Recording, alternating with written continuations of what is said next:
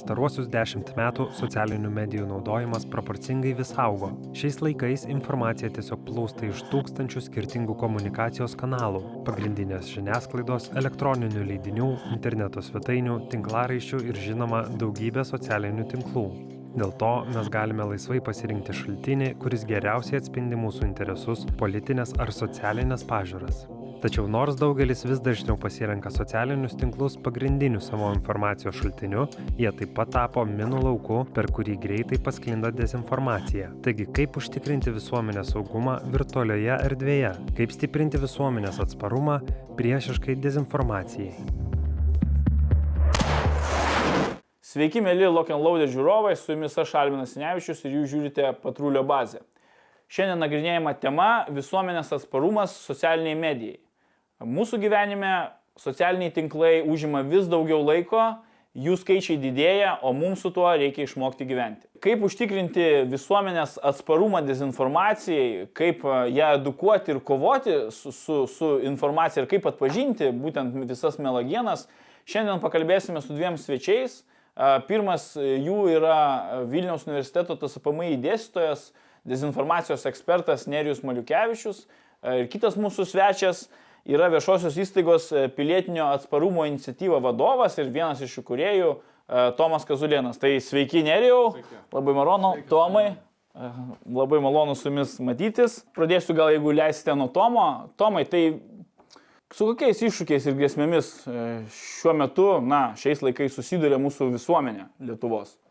Gal galėtume įvardinti? Na, gyvename 21 amžiuje, kuomet, na, lyginant su 20-uoju amžiumi, pasikeitė tam tikros agresijos formos, na, tankai nebestovi už sienos, na, salginai vyksta ir, ir pratybos įvairiausi manevrai, bet, na, atsiranda kitos nemažiau pavojingos, įvairiausios, na, pavojingi nutikimai ir, ir dalykai, tai būtent susijęs su mūsų informacinė erdvė ir kas, kas joje slypi, tai, tai įvairiausios dezinformacinės atakos, polimai ir, ir būtent tiesiog jeigu tu neturi tiek medijų raštingumo, komunikacinių kompetencijų, na, piliečių tikrai pakankamai yra sudėtinga atsirinkti informaciją, kas, kas yra tiesa, kas, kas yra melas ir, na, paskleista laikų dezinformacija kartais net gali kelti pavojing, didesnį pavojų negu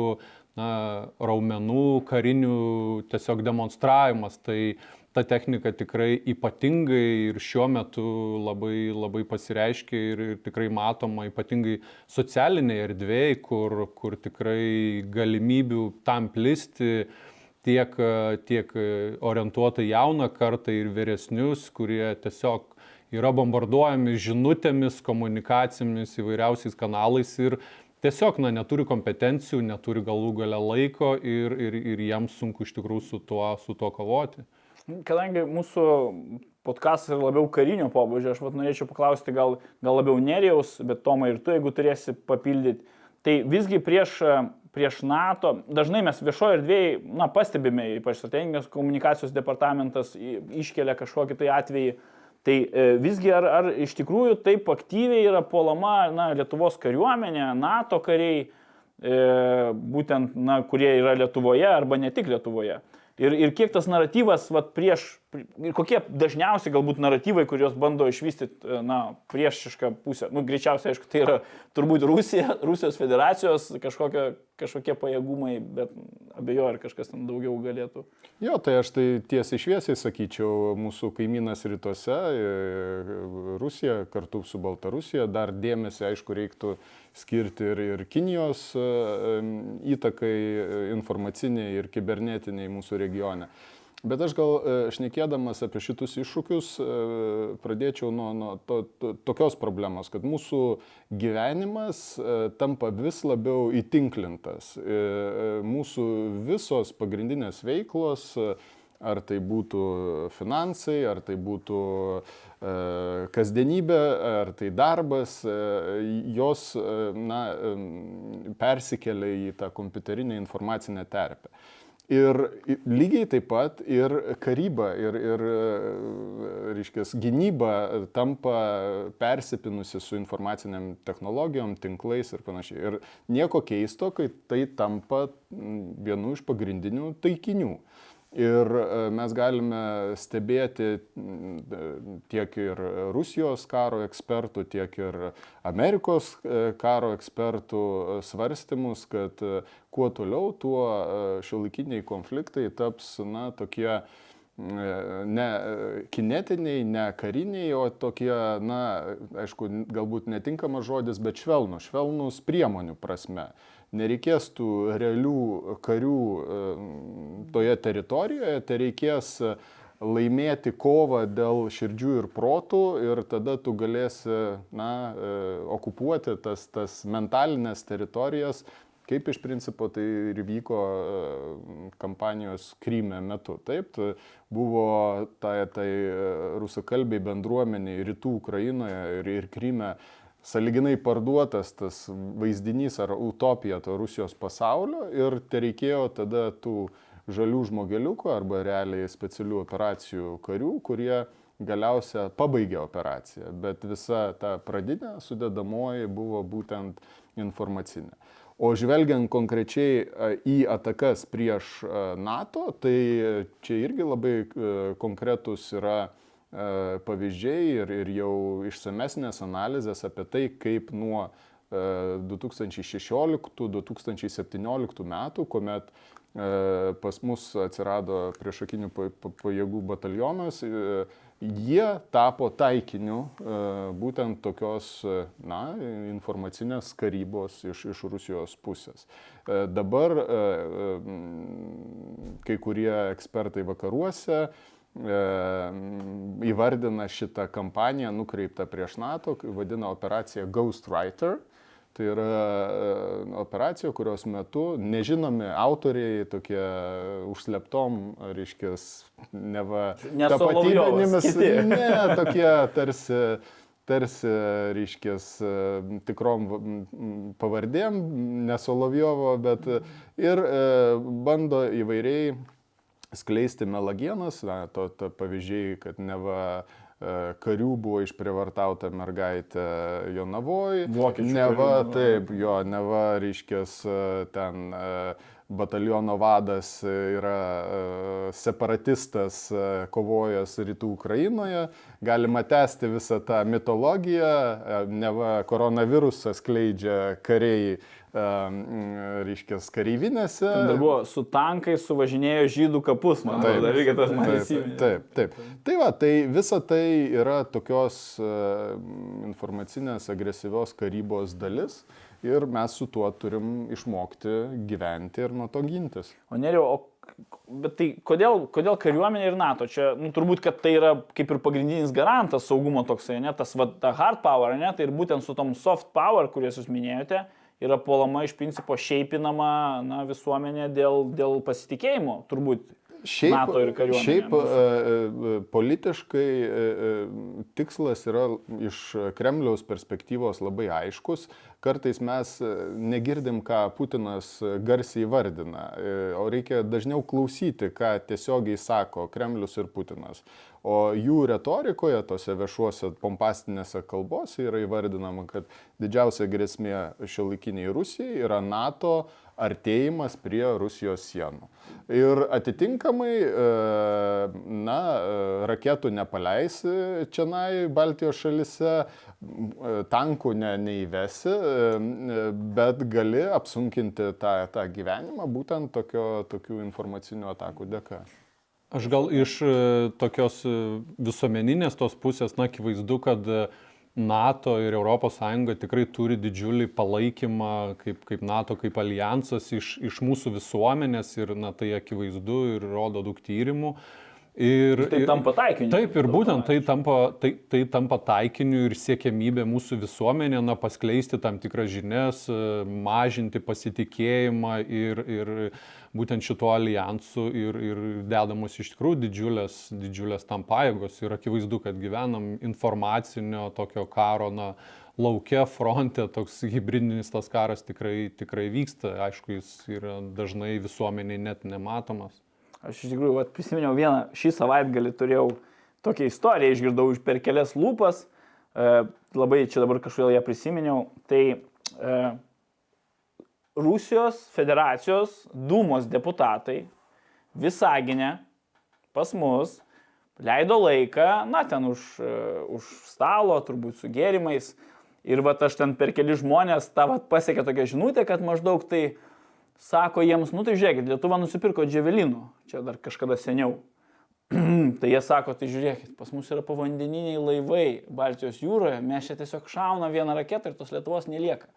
Bet ką aš kalbu, ką aš noriu pasakyti, kad aš supratau, kad jie netgi parlamento nariai, deputatai, jie yra, nu, antiek mąstymas yra toks, žinot, kaip kaimo huliganų maždaug, tokiam lygyje, kad tu, nu, jėgos ir, ir tai tas nenuspėjamumas turbūt suteikia irgi mums uh, na, tokį motivaciją gintis ne tik tom irgi hard power, bet ir soft power, apie kurias mes šiandien. Aš jeigu galėčiau sureaguoti, tai aš sakyčiau, e, taip, čia tikriausia buvo šito gando e, e, šaltinis, tikriausia seni laikai, nes dabar nelabai įsivaizduoju, kaip, kaip Rusijos diplomatai galėtų. Na, nu, žinokit, aš irgi, man buvo bet, šokas, bet, bet, bet jeigu, rimtai, jeigu rimtai reaguoti, tai viena esminių e, Rusijos tokių propagandos e, temų yra būtent grasima, atgrasimas ir gazdinimas. Ir nieko keisto, kad Rusijos diplomatai, nežinau, ar čia, ar kažkur kitur, bet pasitaikius progai, visada, reiškia, bandys pademonstruoti viešai, retoriškai tą, reiškia, savo galę. Labai dažna strategija, kai tik tai prasideda kokios diskusijos e, Suomijoje ir Švedijoje apie glaudesnį bendradarbiavimą su NATO, e, dažnai e, Rusijos ambasados ir ambasadoriai pradeda duoti interviu toj pačioj Suomijoje ir Švedijoje apie tai, kad nu, jūs pagalvokite, jeigu jūs čia taip pradedate svarstyti, tai tapsite mūsų brandolinio ginklo taikiniu. Ir, ir tas toks gazdinimas, atgrasimas, viena iš e, tokių pagrindinių e, Rusijos tokios e, propagandos temų. Tai tą galime išvelgti ir, ir tų pačių Zapat pratybų legendose, kur yra na, daugiau gal net to tokio viešo, pompastiško atgrasimo legendose, negu realiau, realaus po to karinio, reiškia, drilinimo to. O žiūrėkit, vat jūs paminėjote, neriau, ekspertais kartais prisidengiama, ne, ten kažkokiais Lietuvoje, vat, Paleckis dažnai tampa ekspertu, ten, arba dar yra... Paleckis dabar žurnalistas. Dabar žurnalistas, nu, bet yra naunėjimų tų, kurie maždaug tipo jis ten atstovauja kažkokį tai institutą, ten, žinot, sukurtą organizaciją, NVO ten ir, ir jisai kalba tą temą, kad maždaug čia va, čia komentuoja kaip ekspertas. Tai vad, ekspertai yra vienas iš tų būdų arba konkrečių pavyzdžių, per ką veikia būtent ta dezinformacija ir propaganda fake news. O kokiu dar, vad, konkrečių tų soft, soft power, tų būdų, kokiu jūs dar pastebite? Tai čia yra bazinės klasikinės propagandos technikos, apie tai, ką jūs šnekat, tai yra apeliacija į autoritetą, mes galime uh, stebėti dabar dažnai, reiškės, tai, e, reiškės, tose pasakojimuose, tai koks nors profesorius, tai ekspertas, tai ten e, dar kokia nors e, pridedamos legendos tam, kad suteikti tą, tą žinutę, kuri gali būti manipuliatyvi žinutė, bet suteikti svorį, nes, na, neva, reiškės, tą sako vienas ar kitas ekspertas. Tarp kitko, bent plačiau pažiūrėjus, E, ypatingai į dabar iššūkius susijusius su pandemija ir, ir to, tos antivakserių judėjimus, tai galima stebėti, kaip jų retorikoje dažnai atsiranda tie tokie, na, ne va, profesorius, medicinos mokslų daktaras, kuris po to pasakoja baises istorijas apie skiepus ir panašiai. O jeigu realiai pasižiūrėsi, kokios ko, ko, koks ten daktaras ar profesorius, sužinosi, kad ten visiškai kažkokių kitų mokslo arba visai šitų pareigų neturi. O šiaip e, į tas technikas, jeigu pažiūrėtume, tai jos istoriškai yra nusistovėjusios, e, yra e, dar Amerikos propagandos analizės institutas prieš antrą pasaulinį karą yra įvardinęs na, keletą tų technikų, kurias jie patys naudojo, bandant e, ištirti ir neutralizuoti priešišką propagandą tuo metu. Tai pažiūrėkime, jau praėjo e, beveik e, amžius, mes vis toliau šituose iššūkiuose, tik tai vis naujesnės technologijos, kurios yra pritaikomos.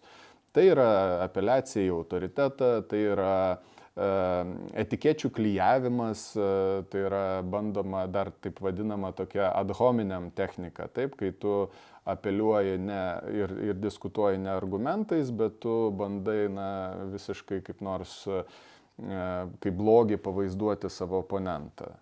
Pažiūrėkime antivakserių irgi plakatuose ir memuose dabar valdžia, kuri bando suvaldyti pandemiją, yra tas neva diktatoriai, neva ten vos ne Hitleris, kuris čia, reiškia, stoj visus uždarys į, kon, į koncentracijos stovyklas ten ir panašiai.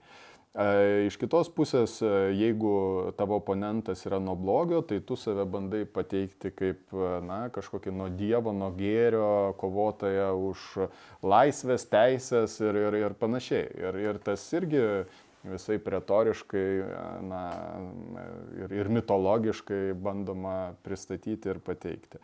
E, mano minėta apeliacija į autoritetą, kuomet bandoma e, prisidengti kažkokią, na, tokią e, neva poziciją, taip, jau minėti, ar profesoriai, ar mokslininkai, ar istorikai kažką sakė, nors iš tikrųjų ten nei, nei mokslininkai, nei istorikai, nei, nei profesoriai.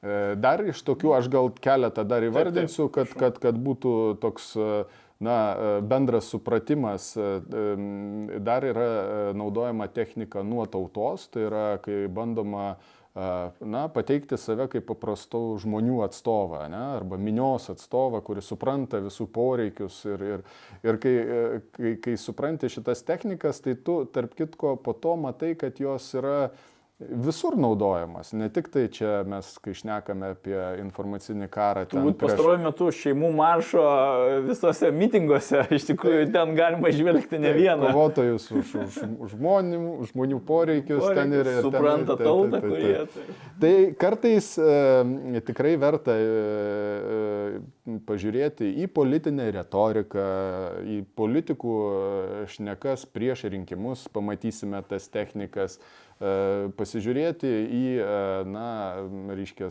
ten užsienio politikų e, retoriką ir, ir, ir mes galėsim tas technikas atpažinti.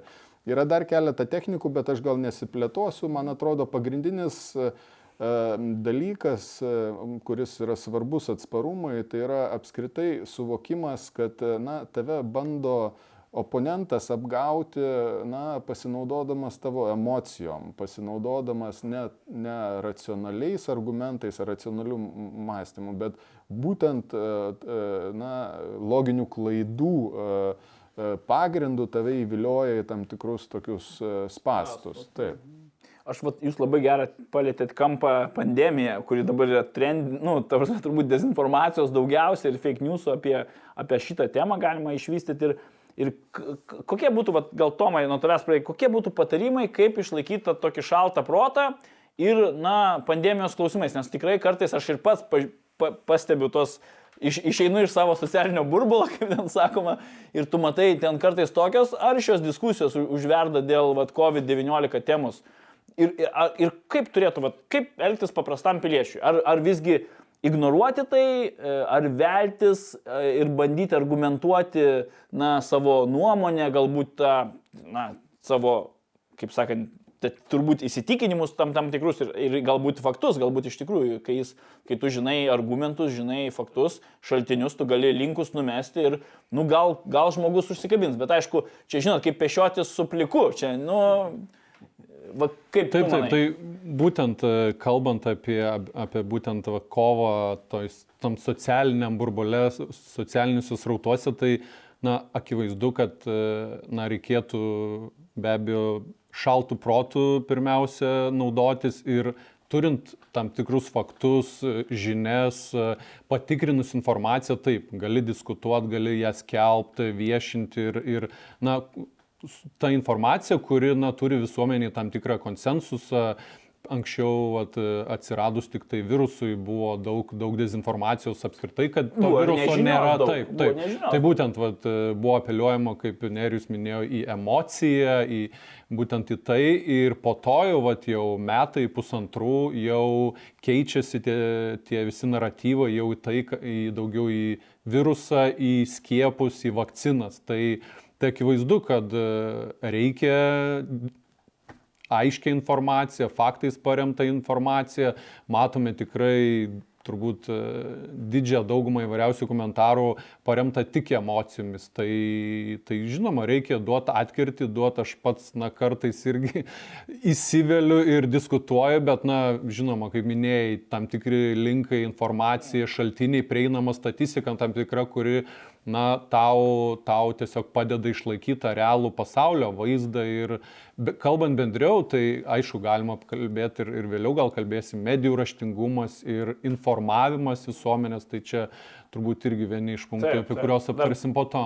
Aptarsim tai. Kaip, kaip jūs neriau tą vat, visą pandemijos, vat, iš, būtent iš eksperto pusės, jūs vertintumėt ir matytumėt? Aš manau, kaip didžiulį iššūkį, kaip nu, mes e, mūsų kartoj ir, ir net gal kartos prieš mus tokio, tokio iššūkio, e, tokios sveikatos krizės nėra turėjusi. Aš manau, kad e, tai yra na, savotiško tokio šoko būsena dabar įvairios visuomenės, įskaitant ir Lietuvos yra. Ir atitinkamai tokioj būsenoj e, visai kitaip veikia informacija ir komunikacija. Ir lygiai taip pat e, įsivaizduokim, vyksta karas, karo metu yra didžiulė įtampa, didžiuliai, na, ten, reiškės, baimės ir, ir panašiai. Ir, ir tokioj situacijoje žymiai kitaip veikia, na, pateikiama informacija. Yra panikos bangos, yra gandai e, įgauna žymiai didesnį efektą ir, ir, ir panašiai. Tai kai mes žiūrime į pandemiją, na, tai nėra karas, bet tai yra savotiška tokia streso būsena, Ir tada mes ir, ir, ir, ir galime suprasti, kodėl e, na, žmonės patikė, sakykime, reiškia, tokių e, na, apgaulingų žinučių e, ir skleidžiama informacija ir, ir, ir panašiai.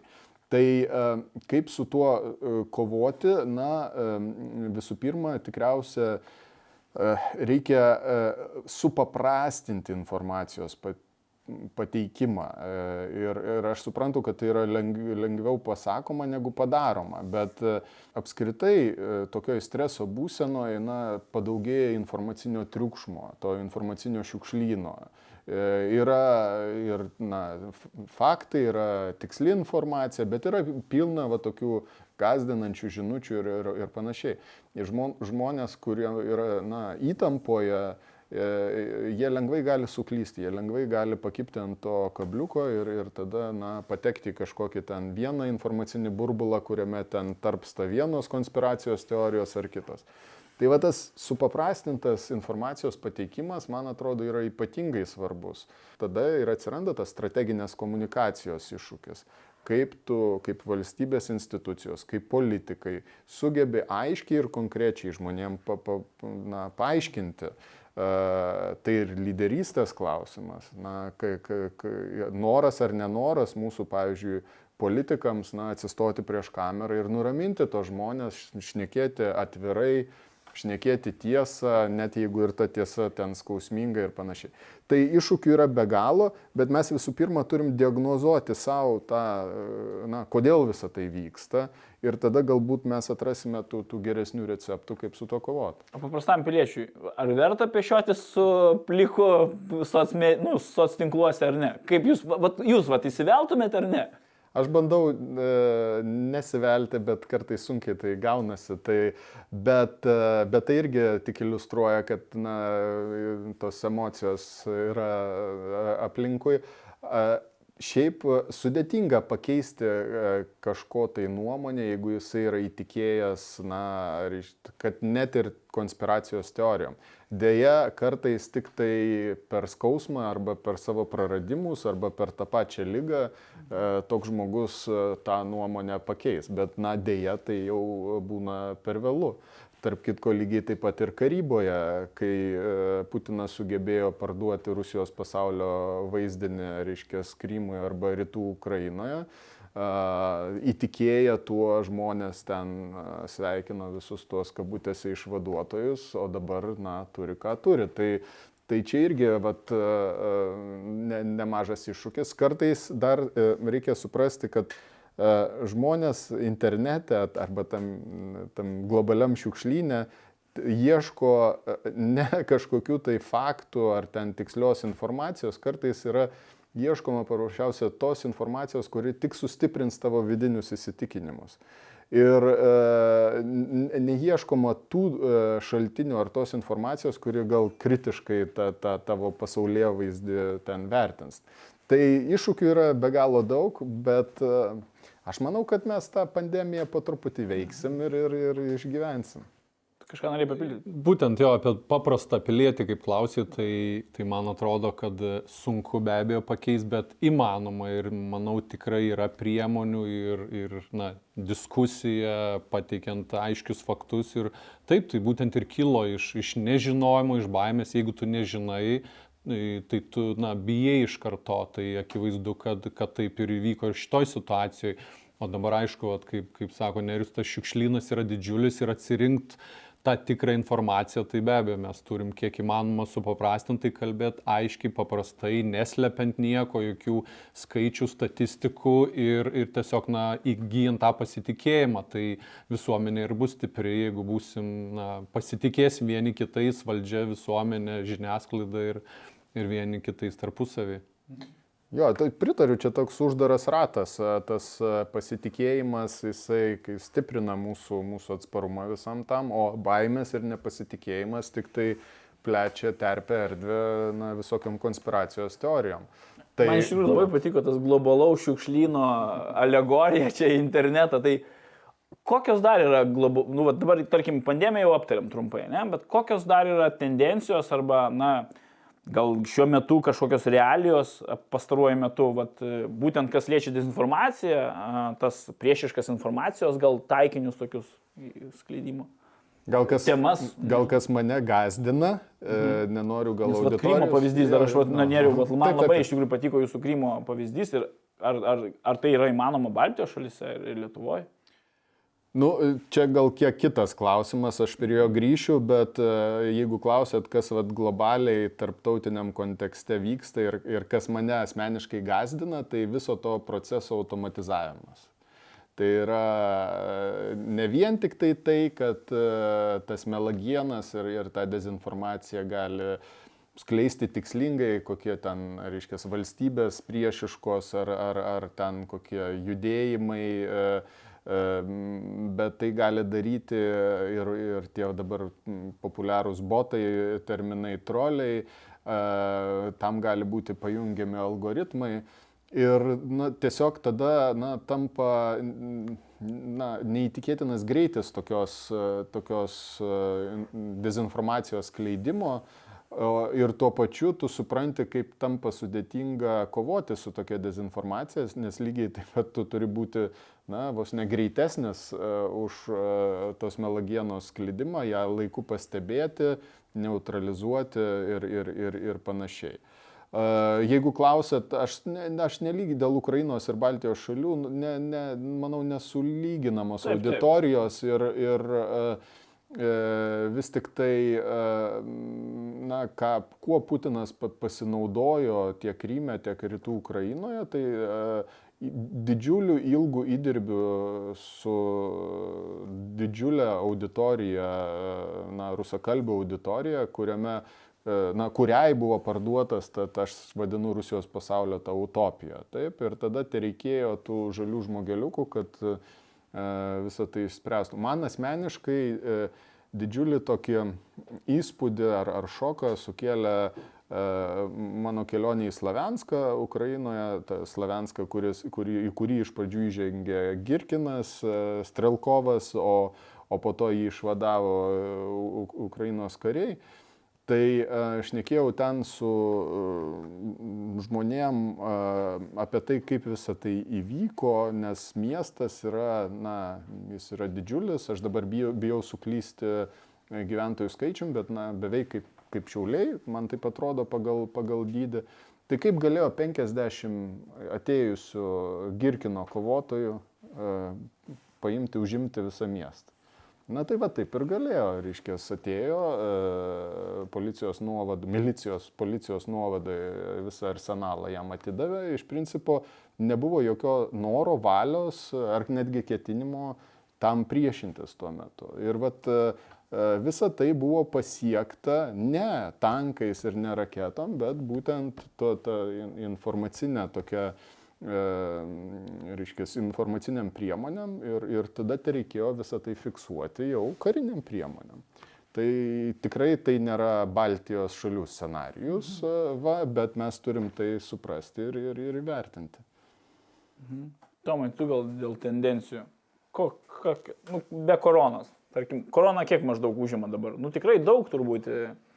Bet nu, manau, kad, daug, manau, kad tikrai daugiau, daugiau nuolat tikrinant, tarkim, tos dezinformacijos, ne tik na, Lietuvos informacinę erdvę, bet apskritai mhm. kitus portalus Europoje ir kitur, tai nuolat mirga naujienos, būtent informacija, kur pasidalinta, vat, ir Dizinfo, jų ir, ir kitur, tai nuolat apie tai. Ir... Tai galim sakyti, 8 procentų turbūt. Manau, kad, manau, kad aišku, čia sunku, sunku paskaičiuoti reikėtų, bet, bet taip, šitai temai ypatingai, ypatingai ir vis dar, aišku, akcentuojamos tos temos ir lendama į tas temas, kurios na, visuomeniai kelia didžiausią žiotažą, uh, kurios na, tiesiog bando, bandomi prilipinti tam tikri naratyvai ir žiūrima, aišku, po to ar jie prilimpa visuomeniai, ar platinami, ar ne. Tai na, mūsų viešo erdvėje, tai be abejo NATO, ES tie kertiniai dalykai, kurie, vat, kaip ir minėjau, yra didžiulis pasitikėjimas ir bandoma per tai laužti. Ir, ir, ir netgi lietuvių kalba yra daug dezinformacijos e, Lietuvoje.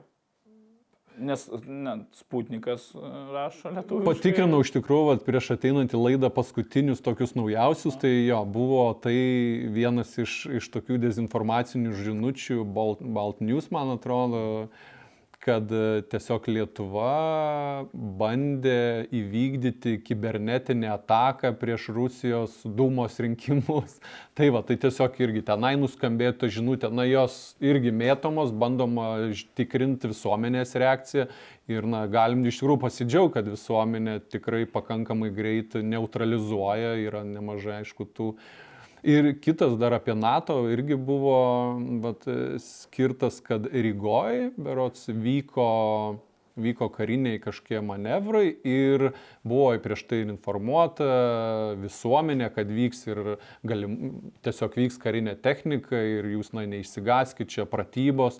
Ir aišku, buvo to pasinaudota ir, ir išėjo žinutė, kad Ryga, Rygoje vyksta susišaudimai kariniai, NATO paleidžia ten e, raketas iš pabūklus ir taip toliau. Tai tiesiog va, tokios žinutės jos yra mėtomos nuolat ir, ir žiūrima, kaip, kaip tiesiog visuomenė reaguosi tai. Man kartais atrodo, kad uh, nu, Rusijos federacijos tarnybos spets ir visi tie troliai, botai, ten tie fabrikai, kur prikurti yra tai kad jie ima tas temas, kurio, kurio, ku, ku, kad, na, maždaug, kad uh, naudoja tas pačias temas, kurias patys iš tikrųjų naudoja ant dezinformacijos. Pavyzdžiui, rinkimai, ne? Jie trolina. Jie, jie tikrai, tamsi, Vokietijoje net nebejoju, kad tenais irgi buvo ausis kišojo tam tikrų, e, na, dezinformacinės ausis iš rytų. Kaip ir e, Brexitas tas pats, žiūrėkit, kiek paskui išaiškėjo e, Amerikos prezidento rinkimai, ne? Tai, pavyzdžiui, rinkimai irgi yra gan, gana turbūt tema dažnai paliečiama dezinformacija. Ir Lietuvoje, be abejo. Ir būtent Vokietijos pavyzdys, vat, ką paminėjai, tai vat, pas, ne šie rinkimai, o prieš tai vykę, tai vat, irgi buvo pavyzdžių, atsimenu, kad e, ten viena iš, iš partijų irgi paskleidė vienas iš vadovų žinutę, neva yra plėšomi už juos e, tiesiog nubalsuoti biuleteniai. Ir, ir tokia žinutė pasklido. Viskas gerai būtų tarsi, bet faktas, kad ta nuotrauka buvo tiesiog manipuliatyvi, buvo pakoreguota ir jinai buvo neteisinga. Tai be abejo ir prieš šitos rinkimus net nebejoju buvo buvo visko dar nematėm, gal, gal ir išlys ir, ir buvo tikrai tam ruošiamas. Tai šiaip aš jeigu galiu įsiterpti, tai šiaip iš tikrųjų oficialiai pati Vokietija ir, ir netgi Europos Sąjunga va, prieš e, savaitę ir, ir, ir anksčiau paskelbė, kad jie vertina, kad Rusija aktyviai e, bandė e, daryti įtaką rinkimų procesui, o e, reiškia, Europos Sąjunga pareiškė, kad ta pati mūsų minėta operacija Ghostwriter yra tai, kas buvo vykdoma Vokietijoje ir kas vyksta mūsų regione. Tai aš noriu sureaguoti, kad kartais tos žinutės, to, mes va irgi dabar diskutuodami, jos kartais kelia netgi šypseną, tokio, atrodo, nu ką tu čia bandai na, įtikinti tokiom nesąmonėm ar ten visiškais absurdais, bet kartais būtent tokios atakos yra na, savotiškas gynybos testavimas, nebūtinai siekiama to, to efekto, kad na, auditorija pakeis nuomonę arba ne, nebetikės, nepasitikės NATO ten ar panašiai. Bet e, užtenka na, pasižiūrėti, kaip veikia mūsų kibernetinė gynyba, kaip, e, kaip reaguoja žurnalistai, kaip reaguoja kažkurios auditorijos. Po truputį savo kurti tokį platesnį vaizdinį, tuo, tam, ka, tam kartui, kai, na, e, reiškės, reikės jau tikrai aktyvių priemonių, ten, nežinau, karo ar karinės operacijos metu. Arba pritaikyti šitą patirtį prieš didesnės, na, vakarų ten priešininkės, kad ir toj pačioj Vokietijoje ar, ar, ar dar kažkur. Ir pas mus buvo tų jau minėtų mano renginių, kurie, kuriuose Alternative for Deutsche atstovai kalbėjo ir nuotoliniu būdu. Tai va, jo, ir tas, tas turbūt yra tas globalumas, jis kartais būna labai lokalus. E, šiuo atveju. Aišku, labai lengva tas etiketės priklyjuoti, e, šnekant apie na, tuos, su kuriais tu nesutinki, bet, bet šiaip uh, Jeigu mes pažiūrėtume į šaltojo karo laikus, tai tuo metu Sovietų sąjunga turėjo savo tą tokį komunistinį internacionalą, kuris veikia kaip savotiškas toks žmogiškas tinklas, organizacinis tinklas, tai pačiai propagandai skleisti, tom pačiom žinutėm. Ir tuo tuo metu irgi buvo tie vadinami tai naudingi idiotai, ne, kurie, reiškia, nebūtinai ten Kremliaus agentai, nebūtinai ten kažkas apmokamas ar, ar, ar panašiai, bet jiems vat, būdavo kažkoks interesas atkartoti tas pačias žinutės, kaip ir, kaip ir Kremliui naudinga. Tai šiais laikais na, yra kitokio tipo tas internacionalas, jisai nėra tas toks uh, komunistinis, kuri, kuris griuvo sugriuvus Sovietų sąjungai, bet yra tokių, na, Antonas Šehotsovas tai vardina kaip tango noir, toks juodas internacionalas, bet jis lygiai taip pat kraštutinė dešinė, kraštutinė kairė gali sudalyvauti, reiškia, Kremliui naudingose tokiuose, tokiuose veiklose. Tai vat e, čia ir yra e, tas kūrybinis pro, propagandos aspektas, kad tau nereikia na, visiškai iš niekur sukurti kažkokios žinutės, kažkokių veikėjų ar kažkokių ten organizacijų. Tu stebi aplinką, tu įvertini situaciją, tu žiūri, kokie procesai kelia įtampas vienoje ar kitoje valstybei ir tu savo ta, to, tom agresyviom priemonėm tik tai pagilini tas įtampas ir, ir, ir, ir taip atitinkamai silpnini oponentą savo atžvilgiu. Vat ir visa tokia savotiška, tokia tamsios galios strategija, kurią Kremlius įgyvendina Europoje ir vakaruose. Ir iš tikrųjų, e, aš įsiminiau jūsų pasakytus žodžius, kad žurnalistai irgi kaip reaguoja žurnalistai, ne? Kita pusė stebi. Ir vat, na, žinant dabartinės tendencijas, gal aš klystu, bet e, ta visa klikbaito kultūra, tos, e, žinot, tos antrašius, tik skaitimai, aš net pats prisipažinsiu, aš tik įsijungiu kokį Delfį ar LRT, aš praskrolinu antraštės, nu, jeigu labai įdomu, aš tada jau einu gilin, bet iš principo tu apie tą visą tikrai didelį informacinį lauką, kuris pastoviai kinta, tu nu, susidarai iš, na, iš antrašių e, daugiausiai. Ir turbūt daug žmonių taip daro, nes taupai, taupai laiką, tu nesigilini kartais į temas. Taip. Tai kaip jūs vertinate apskritai tą visą, na, iš žurnalistų dabartinės tokias tą antrašių kultūrą, netgi galima sakyti, ir tų klikbaitų ieškojimą, kad kuo daugiau komentarų, kuo daugiau ten tas aukščiau eina. Straipsnis. Žiūrėkit, aš sakyčiau, yra ir pozityvo, yra ir negatyvo. E, Pradėkime nuo pozityvo, tai e, man atrodo, kad jeigu mes stebėtume kaip e, ta pati operacija Ghostwriter e, bando vis įmesti į mūsų viešą erdvę tam tikras žinutės ten prieš NATO ir panašiai, mes galim e, na, konstatuoti, kad mūsų pagrindinė žiniasklaida ne, ne, neperima tų žinučių, jeigu ir apie tai rašoma, tai rašoma kaip na, tam tikras dezinformacijos tyrimas ir, ir, ir panašiai. Taip kad Man atrodo, kad tas atsparumas, nes yra įvairūs filtrai, yra medijos, yra, sakykime, politikai, atsparus, neatsparus. Man atrodo, medijose šitas filtras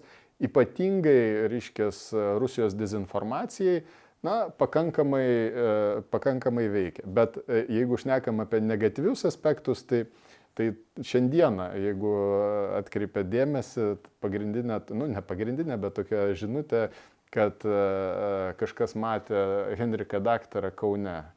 Gatviai. Gatviai, laisviai, kažkur, moteris. Papas, ir aš taip irgi nusišypsojau, taip viską, bet žiūriu, vieną žiniasklaidos priemonę apie tai, reiškia, sako, kitą žiniasklaidos priemonę. Apie tai. Ir iš tikrųjų tada galvoju, nu, e, bet pasitikėjimo klausimas, tai turi būti svarbus tikriausia redaktoriams, kurie uždeda tokias klikbaitinės žinutės, taip, jos gal surinks ten e, daug tų skaitytojų vien dėl šokiruojančios žinutės, bet po to bus efektas. Tai yra, na, žmonės kitą kartą nu, ne, ne, ne, netikės tavim arba tavo ten kažkokia informacija apie vakcinas ar, ar, ar, ar skiepus. Taip, nu tai va, tai čia, čia yra nemažai iššūkių. Toma, jūsų, jūsų organizacija dirba su, ir, ir aš pats dalyvau renginį, kur jūs buvote su provincijos žurnalistais. Ne, buvo jiems organizuojama tokia kaip konferencija. Ir, ir vat, jūs su vairiom tiksliniam grupėm dirbate iš, iš tikrųjų e, jūsų uh, Civil Resilience Initiative, man angliškai net kartais turbūt lengviau pasakyti. Tai e, kaip, kaip tu vertintum, kokie yra, na, kokių grupių, kok, kokios tikslinės grupės susiduria su didžiausiais, vat, žurnalistus aptariam, ne?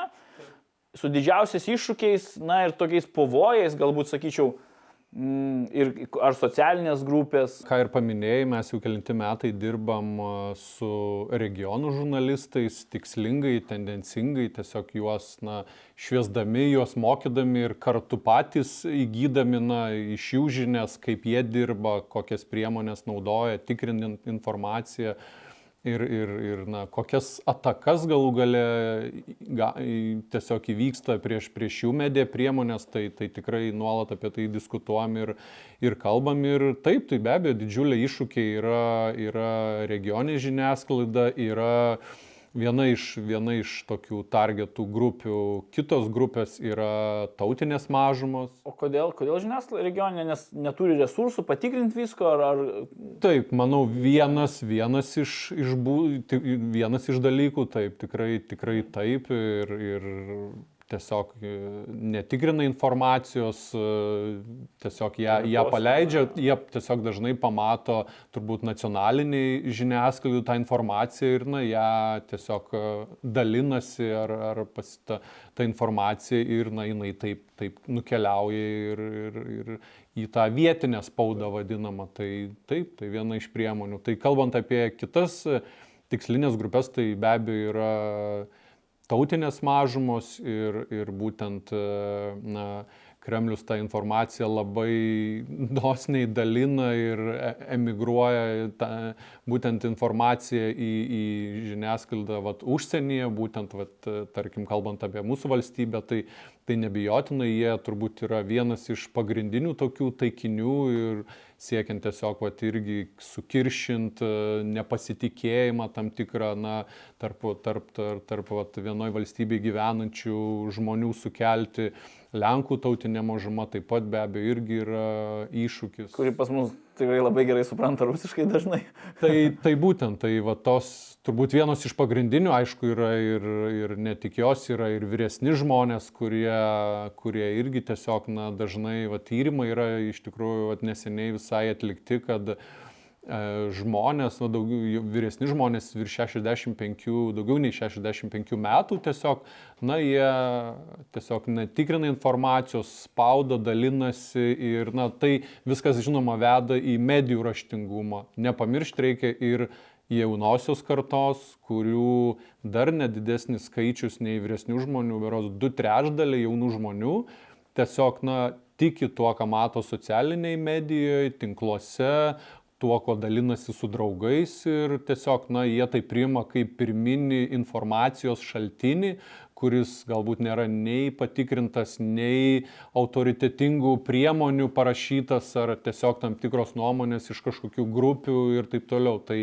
Tai va tos, tos priemonės be abejo yra didžiausias. Aš, aš pradėjau šipsotis, kai tu kalbėjai, nes aš prisiminiau savo mamą, kuri 75 metų atrado Facebooką. Ir ten suprantat, kaip jinai. Tai įsivaizduoju, kad... Tu šiaipinti, dirbti su jais, sakyk, mama, čia ne viskas yra tiesa. Tai, tai įsivaizduoju, kad vyr, žmonių. vyresni žmonės tiesiog, va, jie ateina ir atsiranda tikrai ir tie kursai raštingumo ir kompiuterių ir jie tikrai auga tas amžius, va, riba, kurie naudojasi kompiuteriais ir tai yra tikrai gerai ir šviečiamoji be abejo priemonė, bet susidurėm su kitais iššūkiais. Aišku, kad jie tam informaciniam šiukšlynė pasimeta ir, ir jau ten kapstosi, tuomet sunku sudėtinga. Jo, iš tikrųjų, naudos yra be galo daug, na, visos socialinės medijos ir, ir apskritai būrent bendruomenės dalinantis informaciją, bet, bet kiek socialinė medija gali, na, pakengti visuomeniai, tarkim, Lietuvos imkime pavyzdį, mūsų Lietuvą, ir, ir galbūt net valstybei, mm. kiek tai gali, na,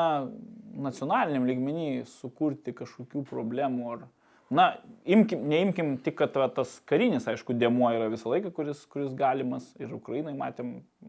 Tai aš jeigu su, sureaguočiau, tai čia kaip e, su bet kuriuo įrankiu jis gali būti naudojamas arba gėriui, arba kažkokiam na, piktui daryti. Tai aš manau, kad e, su socialiniais tinklais e, na, tikrai kils nemažai iššūkių ir ypatingai mes galim galbūt pasimokyti iš problemų, kurios dėl to kilo vakarų visuomenėse, Amerikoje, toj pačioj Didžioji Britanijoje ir kitur, kur šiaip tikrai matosi ryšys tarp na, to įsitinklinimo į socialinės medijas ir tos polarizacijos arba tos susipriešinimo, kuris atsiranda tarp atskirų tų visuomenės grupių.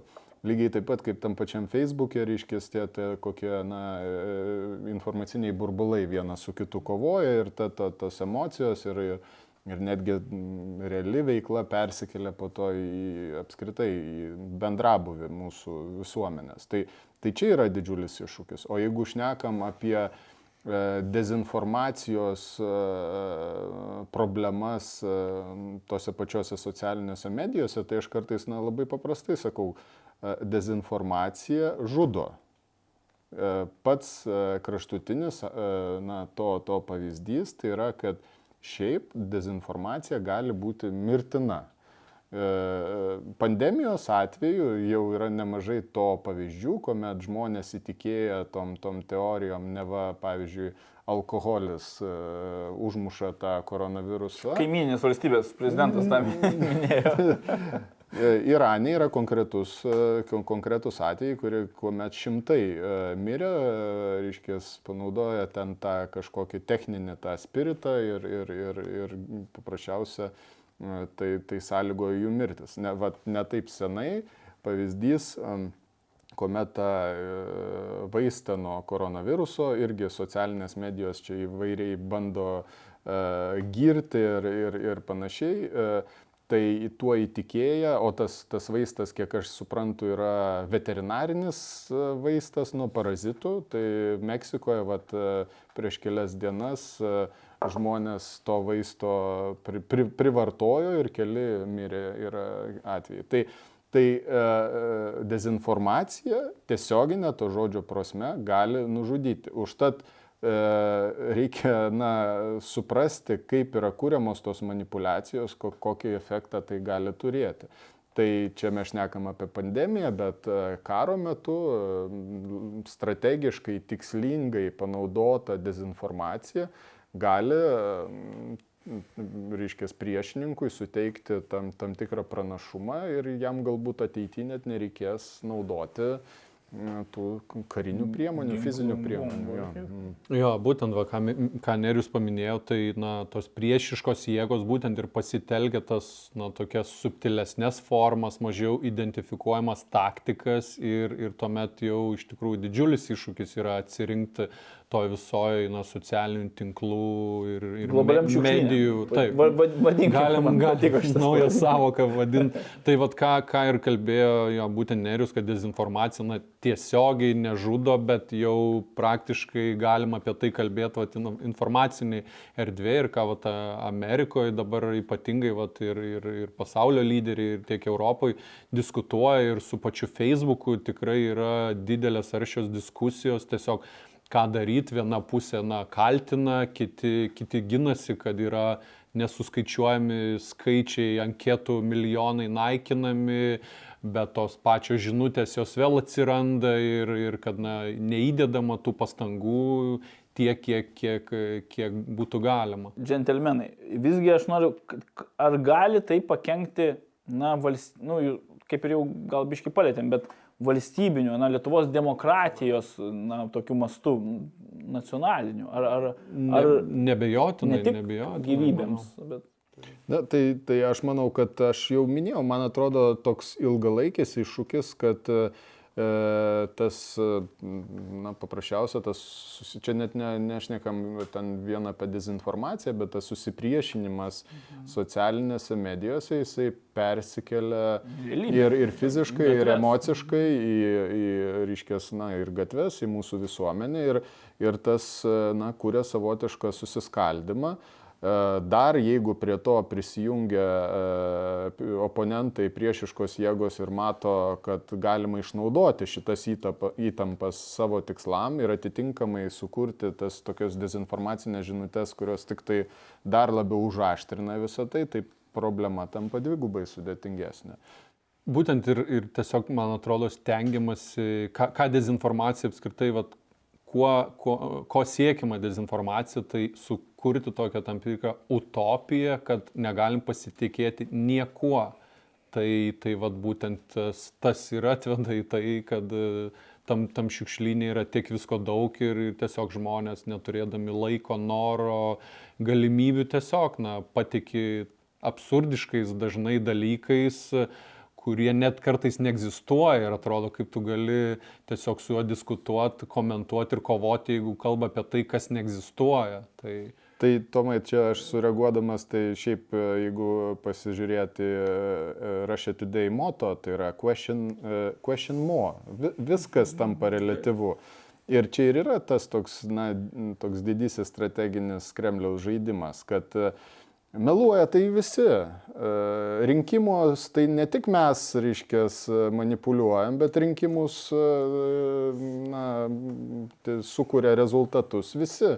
Pažiūrėk, reiškės, žmogaus teisės pažeidžiamos ne tik pas mus, bet visur. Ir va tada tu taip viską padarai e, relatyvius, tam tikrų tokių pasakojimų, tam tikrą tokią mitologiją ir tada iš tikro, e, reiškės, na, tampi savotiškai jau netoks ir blogiukas ir, ir, ir, ir toks santykinai. kaip ir visi, tu tampi toks kaip visi, maždaug visi taip daro, ne? jo. Mhm. O, bet vertinant, manau, mūsų visuomenę, kiek, man, kiek aš susidarau įspūdį, tai pakankamai e, es, nu, ir esame tokie išprūsę. Dar čia, aišku, irgi turbūt ta Rusijos dezinformacija padėjo netgi tam tikrą prasme gal iš dezinformacijos pusės pasiruošti ir, ir, ir vat, pandemijai, ne? Na, kaip jūs vertinate Lietuvos visuomenę kaip, kaip tokią? Ar ji yra atspari, ar, ar, ar kaip? Aišku, visą laiką negalima absoliutinti, bet... Tai va, tai ne, ne, ne, ne iki galo aišku, koks tas atspirties taškas, kai mes ten visiškas atsparumas ar ne, ne, neatsparumas. Tai aš manau, kad e, mes e, kaip visuomenė tikriausia, na, tu, tu turim tokį vidinį, vid, vidinį jausmą, ka, kai e, prieš mus Kremlius pradeda taikyti tas informacinės atakas. Mes jau esame išmokę ten per dešimtmečius. Bet yra kitas dalykas, kad e, e, tie mūsų tokie vidiniai e, emociniai šablonai lygiai taip pat Kremliui irgi yra gerai pažįstami. Ir tas sovietinės nostalgijos, e, reiškia, ta, tas jausmas ir, ir visi šitie momentai, jais yra pakankamai lengva manipuliuoti. Tai čia ir, ir na, atsakymas toks pusėtinas ir taip ir ne. Bet aš manau, kad kitas iššūkis susijęs su mūsų gebėjimu atsispirti ir kovoti su dezinformacija yra vis tik tai tai, kad kuo toliau, tuo labiau mes matome, kad e, ta, ta dezinformacija yra automatizuojama ir, ir vis daugiau jinai yra derinama su agresyviom e, kibernetiniam operacijom ir panašiai. Ir negalima vien šnekėti, kad mes čia tokie, mes atpažįstam dezinformaciją, žinom tas manipuliavimo technikas ir panašiai reikia būti, na, toks turi būti e, toks holistinis, visuotinis požiūris į šitą problemą. Tai yra, turi būti ir e, kibernetinis mūsų atsparumas atitinkamas. E, mes turime irgi išmokti naudotis na, matematiniais metodais, kaip vertinti tuos dezinformacijos tinklus, jau virtualius, anksčiau buvo žmogiški, sakykime, šaltojo karo laiku, dabar viskas virtualizuojama Ir, ir, ir čia irgi yra kur pasistiepti. Taip kad, nu, nėra taip viskas blogai ar viskas taip rožiniam spalvom. Vis tik tai yra toks tarpinė situacija. Kaip, kaip Tomai, tu vertini? Matyčiau, kaip didinti, gal kaip didinti tą atsparumą dezinformacijai? Matyčiau tikrai pirmiausia daug pozityvumo, aišku, ir, ir iššūkių, ką, ką Nerius kalbėjo, tai uh, Didinti atsparumą, na, vienas ir iš mūsų organizacijų strateginių be abejo tikslų ir, ir, ir tų organizacijų iniciatyvų tikrai yra, yra nemažai. Jau mes apie tai kalbam, apie dezinformaciją, pavyzdžius įvairiausius, tai, tai, tai yra, man atrodo, jau pozityvu lyginant su kitomis, tarkim, valstybėmis, kur, kur nemažai tenka ir, ir gyventi, ir būti, ir dalyvauti, tai tikrai jie mūsų patirtį, kovoje su dezinformacija tikrai laiko vienu iš geriausių pavyzdžių, kalbu apskritai apie, apie Lietuvą, tiek apie nevyriausybinį sektorių ir apie, apie valstybinės organizacijas. Aišku, yra kur stieptis, kur stengtis ir, ir tiek ir, ir cyber security temoje ir, ir, ir tiesiog pilietinio savo kaip asmens atsparume tikrai yra, yra daug kur stengtis ir, ir va šiandien turėjom ir paskaitą su, su moksleiviais lentvarėje, tai tikrai bandome jiem konkrečiai, aiškiai įvardinti tam tikrus tokius įrankius, metodus, kaip nepasimesti toje soci, socialinių tinklų erdvėje, kaip kovoti, kokie yra konkretus tiesiog įrankiai, kaip pasitikrinti informaciją, kaip pasižiūrėti, ar nuotraukos yra koreguotos, video formatai ir taip toliau. Tai tiesiog tokį mini tyrimą kiekvienas gali atlikti, žinodamas, aišku, va, tokius mini, mini tos dalykus ir... ir... Įrankius, tos priemonės. Taip, taip, taip. Tai Tomai, tu, tu sakytum, ar dabar aš taip supratau, kad tu edukaciją išskiri kaip, na, pagrindinį turbūt dalyką, pagrindinė priemonė kovoje, veiksmingiausia priemonė kovoje prieš dezinformaciją. Ar aš teisingai suprantu? Eh, aišku, turime kalbėti apie tokį didžiulį, na, priemonių paketą ir vienas iš jų nebejotinai yra, na, kom, raštingumas, medijų raštingumas, informacinis raštingumas ir, ir tai, na, kaip Suomijoje minima yra pilietinė kompetencija. Tai tiesiog tavo kaip piliečio žinios, gebėjimai atsispirti tam tikrai informacijai priešiškai, galbūt ne visada priešiškai, tiesiog na, paskleistai ar, ar tik, tikrai, bet kuri tau tiesiog per antraštę, per na, tokius signalus siunčia, kad tu tiesiog turi ją patikrinti, ar jinai yra tikra. Tai tų etapų tikrai yra, yra nemažai. Na ir mes tokius apskritai įskiriam tokie kaip 4, 4P galima sakyti, tai vienas iš jų yra pamokos, tai taip, tai va, tas pilietinis raštingumas, atsparumas, darbas su visuomenė, tiek, tiek valstybinių lygmenių įvairiausių na, strateginių komunikacijų departamentai, tikrai ir ministerijose jų atsiranda nemažai ir, ir tikrai tai sveikintina, kad tai vyksta. Kitas dalykas yra pasitikėjimas, kalbant apie valdžią, apie, apie vyriausybę. Tai jeigu žmonės pasitikės, jeigu matys, na, kuo daugiau pateikiamos informacijos, na, bet kokiu klausimu, tai, tai tas pasitikėjimas yra tikrai svarbu. Kitas dalykas yra proaktyvumas, kad, kad e, tiek valdžia, vyriausybė skleistų informaciją, naudotų ir socialinės priemonės, į įvairius kitus kanalus. Na ir, ir ketvirtas dalykas, tai galėtų būti pasiekmes, tai būtent e, kovoti su, na, būtent e, už akivaizdų tam tikrą melą, baudžiamumas turėtų tam tikras atsirasti, aš manau, ir tiek įvairiausių yra influencerių, kurie turi savo auditoriją, dalinasi visiškai nepatikrintą informaciją, dažniausiai po to patikrinama, kuri yra melaginga, taip jie, na, kūrėsi tą, tą savo erdvę ir, na, iš tikrųjų susidurėm su tais į, iššūkiais, kurie, vat, na, Facebook'e net tie algoritmai, vat, yra tyrimai atlikti, kad jie net patogiau veikia vat, melui sklisti, manipulacijoms, negu vat, tai, kaip su tuo kovoti. Tai vat, būtent tokie, tokie iššūkiai yra socialinė erdvė ir, ir ne visi tiesiog tą žino. Oho, iš tikrųjų čia įdomu. Bet o kaip apskritai, kaip pavyzdžiui socialiniai tinklai tada turėtų, na, mes tu jau Tomai paminėjai, kad, na, jie bando su tais troliais, tais, tais fake accountais visais, kovoti tom melagienom, ką socialiniai tiklai gal, galėtų jie, na, ką dabar tu gali nebent kažką raportuoti, kaip kitas vartotojas, kuris yra, na, tikras vartotojas. Tai mažiausiai, ką, ką gali padaryti kaip pilietis, žinoma, yra tam tikri irgi atvejai, kada, kada vienaip gali pasielgti, kada kitaip, bet taip, paprasčiausia, lengviausia priemonė, gali raportuoti. Neignoruoti. Taip, taip, neigno, taip, tai visiškai. Tai gali raportuoti, siūsti ir, na, iš tikrųjų, tokiu keliu daug anketų, daug įvairiausių profilių yra, yra uždaroma ir netikrų, kurie tiesiog skleidžia dezinformaciją, melagienas, taip kurdami savo, na, pridėtinę vertę, followerius. Mm gaudami, tai, tai be abejo vienas iš tokių mini punktų, kurios galima padaryti mums kiekvienam piliečiui. Iš tikrųjų, dėl įdomumo aš seku du, du žmonės, Skirmantą Malinauską, daugiau aš seku, bet Skirmantą Malinauską ir tokia Antaną Kandro, tai tikrai, manau, žinote jį ir, ir, na, ir irgi analizuoju kažkiek, vat, kaip jie savo bando tas auditorijas paveikti, na ir, ir, ir iš tikrųjų toks įdomu man. Uh, į tai atsižvelgti, atsižvelgti. Bet neriau, kaip Jūs galvojate, ar vat, tie influenceriai, na ir, ir tie, tie soc tinklai, Facebooką visą laiką vėl Instagramas, kas yra Facebooko, TikTokai, kiniškas TikTokas, ne? Kiek ir dabar vėlgi jų, ir jų vis daugėja ir daugėja, ir manau, ateiti dar daugiau jų ten įvairių bus.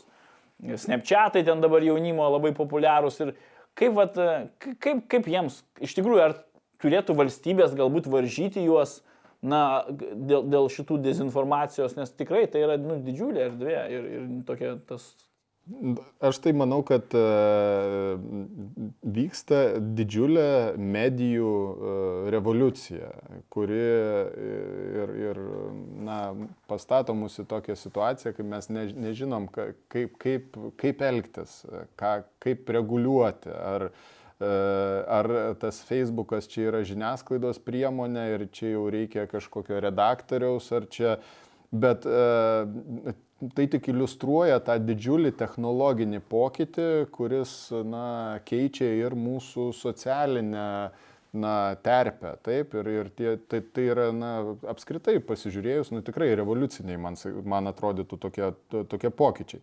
Dabar uh, Minėjot, reiškės, influencerius, ten, tai čia irgi yra vat, vat šitos naujos terpės technologijos produktas. Tai yra, tai yra žmonės, kai kuriuo atveju, na, paprasčiausia verslininkai, kurie sugeba monetizuoti ta, tuos, kaip čia, followerius ten ar, ar, ar, ar panašiai. Vieni e, tai daro kažkokios ten, e, nežinau, e, ekspertinės informacijos dėka, kiti ten, nežinau, užsiema maisto gamybą, ne, o, o treti sugalvojo, kad galima monetizuoti ir konspiracijos teorijas, manipuliavimą ir, ir dezinformaciją. Ir tai įvyko dar net anksčiau prieš kokį Facebooką ir Twitterį. E, information Wars, reiškia, tas garsusis, kaip čia, hostas, angliškai, ne, vedėjas, tai jisai vienas pirmųjų suprato, kad tu gali vat, tokių konspiracijos teorijų ir, ir, ir melų dėka surinkti savo visą auditoriją ir iš to paprasčiausiai uždirbti. Tai, tai čia yra irgi va to na, medijų, to pokyčio tam tikras rezultatas. Dabar kaip su tuo uh, dorotis tiem patiems socialiniam tinklam, tai svarstoma įvairiai, bet uh, tokie, na, tokie trys galbūt pagrindiniai uh, strategijos būdai, tai yra visų pirma, na, ribojimas tos vadinamos ten smurto propagandos, agresyvios informacijos, čia net ne, nešnekam melas ar, ar, ar, ar ten dezinformacija, bet jau ten kas prasilenkia su su teisė ir, ir panašiai. Taip, tada yra tam tikros toks galbūt na, stabdymo perspektyva. Čia irgi toks įdomus iššūkis. Mes sakom, kaip algoritmai vat, tą dezinformaciją, reiškės, amplifikuoja, didina, spartina. Tai kaip galbūt algoritmai galėtų pristabdyti akivaizdžiai melagingos informacijos plitimą. Ir čia irgi technologinis savotiškai iššūkis. O, o tas trečias būdas, kas, ką mes matome, yra informuoti. Tai yra mes matome, kad e, tas pats Facebookas ar Twitteris bendradarbiauja su faktų tikrintojais, e, su, e, ir, ir Lietuvoje irgi turi, reiškės, žiniasklaidos priemonės, kurios imasi tikrinti ta, tas vadinamas melagienas. Ir mes tikriausiai visi matome, kad kartais, karts nuo karto mūsų burbulė atsiranda tas postas su tokia ten ar false information, ar, ar, ar, ar tokiu brandu. Tai yra savotiškas būdas, kaip e, tokios informacijos e, na, e, sklidimas yra ribojamas arba tiksliau patikslinimas, suteikiant daugiau konteksto, daugiau informacijos. Bet tuo pat metu mes matom, kaip šitie E, faktų tikrintojai tampa atakų taikiniais. Ten jie tampa didiais, vadinami didieji cenzoriai kokie, arba kai buvo viena didžiausių grupių mūsų, e, reiškia, Facebook'o, lietuviškam Facebook'e, tai buvo vadinama Unfollow 15 minučių grupė, kuri kovojo su, su tais, kurie, reiškia, kovoja su melagienom ir surinko ten tūkstančius sekėjų kol galiausia pats Facebookas e, tą, tą grupę uždarė. Tai toks, na, tikrai sudėtingas procesas, nes po to tiem patiems, e, e, reiškia, veikėjams kova su dezinformacija tampa įrodymu, kad egzistuoja tas didysis samokslas, kuris nori viską slėpti, kontroliuoti ir panašiai. Ir tampa toks, na, na sudėtingas, uždaras, uždaras ratas. Čia būna iš tikrųjų, vat, pavyzdžiui, grupė kokia nors ten kur stovi trikojai. Ji turi labai daug e, grupės narių ir ten ne tik apie trikojus pradeda kas nors, pradeda vat, kokią vieną kitokią informaciją įmeta, suprantat? Jo, iš tikrųjų. Kontrolės e, patikra tai, autobusuose, taip, kas taip, nors bet, ir panašiai. Bet ne tik, ir būna dezinformacijos, ten ta socialinė inžinierija iš tikrųjų labai bet galima ir įdomi. Pa, praktinį patarimą šituo atveju. E, Facebookas biški patvarkė šitą problemą e, ir dabar galima pasižiūrėti, kokia yra vienos ar kitos grupės istorija, kaip jinai buvo įsteigta, nu, ten aš čia nežinau, ar, ar, ar šitos grupės, ar kitos, bet galbūt ten buvo kokia, ten nežinau, turizmo, ar ten, ten yra toks atvejis su, su viena grupė skirta palangai, kur po to jinai tampa, ar ją nupirko, ar, ar kas ten atsitiko, ar paprasčiausia, reiškia, savininkas sugalvoja visai kitą temą, jis pakeičia ir tampa kažkokia ten konspiracijos teorijų rinkiniu ir panašiai. Bet tu gali pasižiūrėti, e, kaip vyko tas pokytis.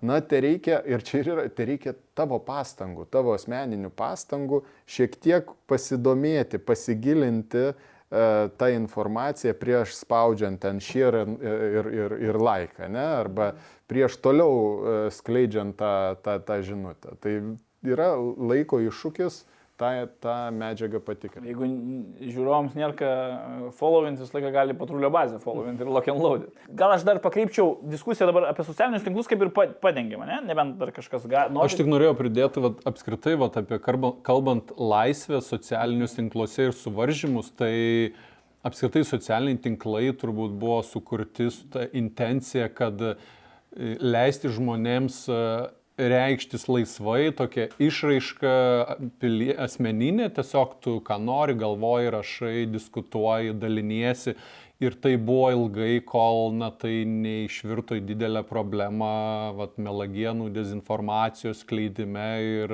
misinformacijos, kada tiesiog nežinodamas tu daliniesi tam tikrą informaciją ir, ir darai tam tikrą tiesioginę žalą. Tai, tai vat, koks tas transformavimasis iš tokių visiškai laisvos platformos, kur tu gali tiesiog rašyti, ką tu galvoji, iki va, tam tikrų suvaržymų, bet e, aišku, dar, dar iššūkių tikrai daug lieka. Bet čia irgi su suvaržymais irgi taip, na, iš tikrųjų, kur va, Kinijoje, Rusijoje ten irgi daug suvaržo, ne? Vat, ir kiek valstybės, kiek demokratinės, tarkim, valstybės, na, Lietuva galbūt, mūsų vyriausybė, valdžios institucijos, kiek jos gali, na, kaip čia gali, bet kiek jos turėtų galbūt kištis į tai, kokias gal kitokias priemonės e, vėlgi taikyti, kokios mintis dėl, dėl valstybinių institucijų ir valdžios mūsų. Nėra kažkokio auksinio recepto, bet akivaizdu, kad uh, tokia situacija na, nesitęs uh, taip, kaip yra ir, ir bus vis daugiau valstybės spaudimo toms kompanijoms, na, imtis kažkokio rimtesnio, nežinau, redakcinės funkcijos, E, tam tikro reguliavimo, nes, e, na, europinė galbūt, nežinau, vokiškoji tradicija yra labiau tokio e, valstybinio kišimosi į į tai amerikietiška tradicija galbūt mažiau, bet iš principo mes matome, kad viskas juda link to, kad net ir pačios kompanijos, socialinių tinklų kompanijos, jos siekia pademonstruoti viešai, kaip jos kovoja su ta, su ta dezinformacija ir su tom melagienom.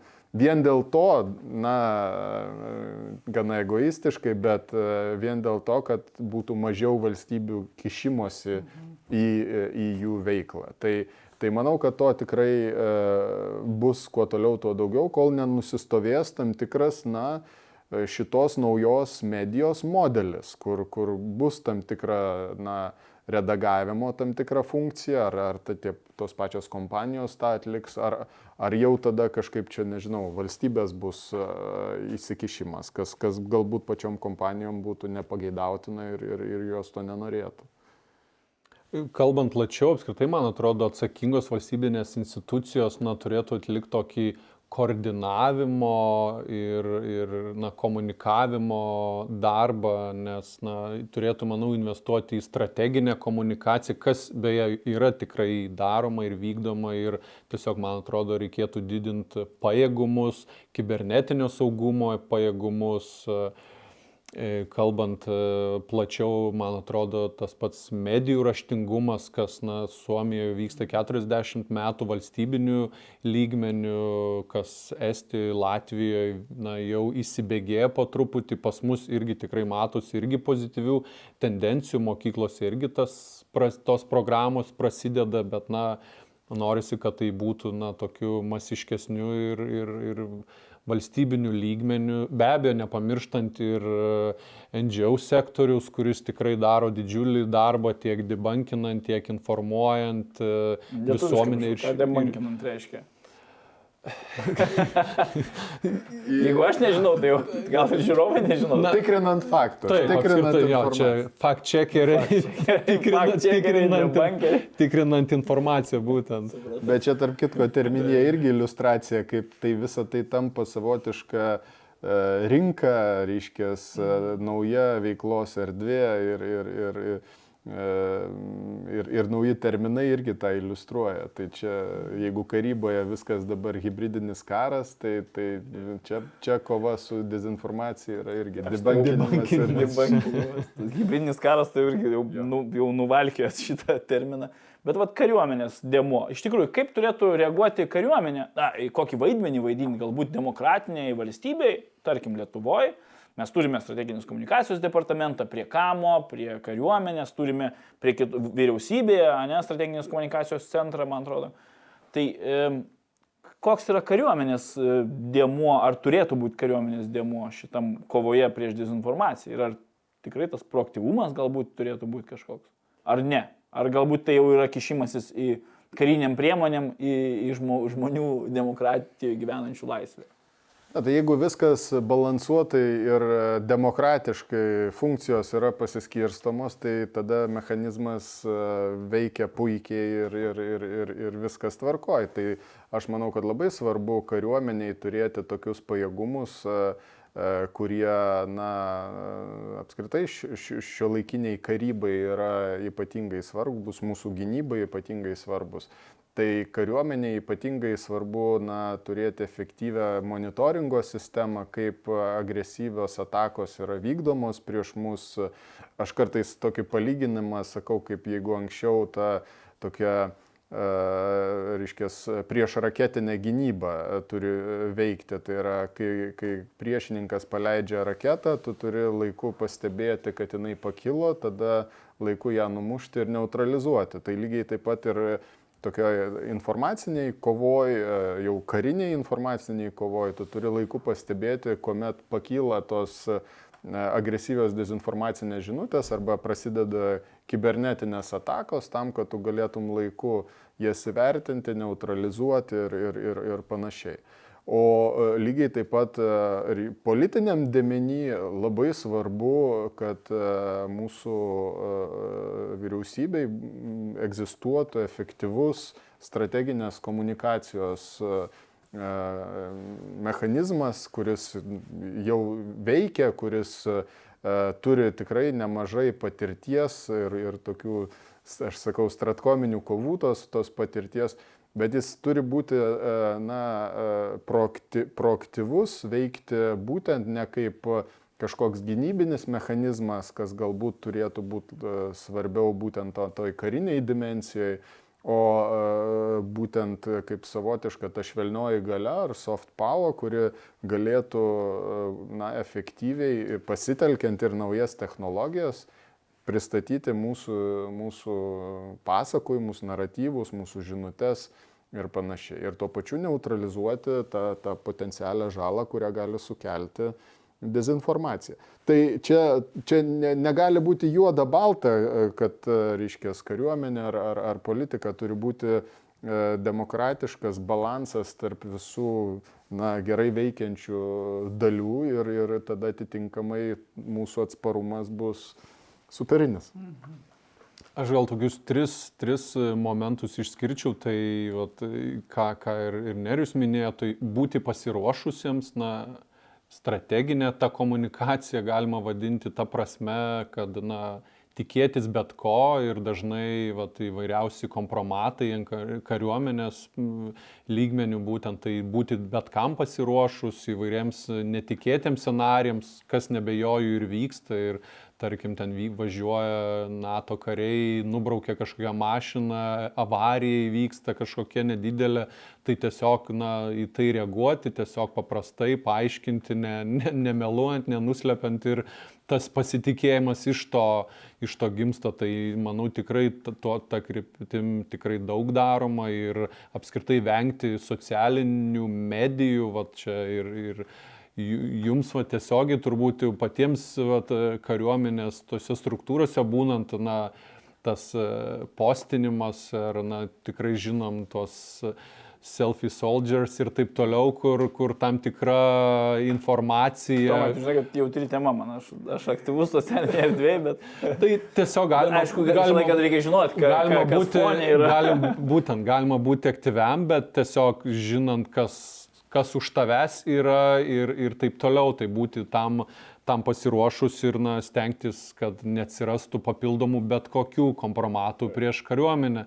Ir, ir kitas dalykas, tai turbūt tas vėlgi, vat, ką mes iš profesinės pusės, tas edukacinis momentas, tai, tai kariuomenė tikrai ir, ir tą bando daryti ir stengiasi ir, ir mes patys tikrai nemažai tiek su, su jaunimu moksleiviais važiuojam į Ruklą, į, su, su NATO kariais susitikti, tai vat, būtent parodyti, kad yra atviri, kad e, tiesiog save pristatyti, e, įvairios pilietinės iniciatyvos, ten galbūt kažkokį močiutį kelią, kiemą sudarkė ir taip toliau, tai tiesiog įvairios akcijos, pagalbos ir, ir taip toliau, tiesiog va, ta edukacinė prasme ir, ir man atrodo tiek, tiek pasitikėjimas kariuomenė ir, ir, ir, ir, tikrai išauktų. Tai, tai. Ir paprovokuosiu. O kaip galvojate, ar vat, mes, nu, mus pastovi atakuoja, ne? mes gynamės, vat, dezinformacinė prasme.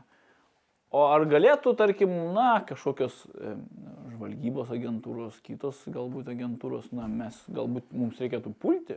Ką? Jeigu klausot, ar galėtų, aš atsakyčiau galėtų, bet... Ar turėtų, tada bet, gal klausiu. E, žinot, e, tos e, tokios informacinės psichologinės kovos istorija yra labai įdomi, intriguojanti.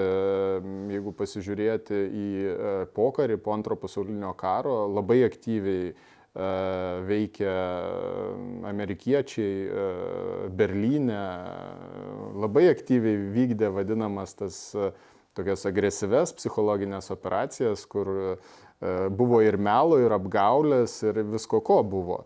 E, Bet atitinkamai sovietai tuo metu e, suprato, kad tai yra na, didžiulis iššūkis, jie mokėsi iš to ir 60-70 metais sukūrė visą sistemą aktyvių priemonių, tą tokį mechanizmą, kur, na, aš sakyčiau, pralenkė amerikonus šitoj kovoje. Tai šaltasis karas buvo irgi ir tokia ideologinė kova, kuomet e, abi pusės taikė tam tikras agresyves priemonės.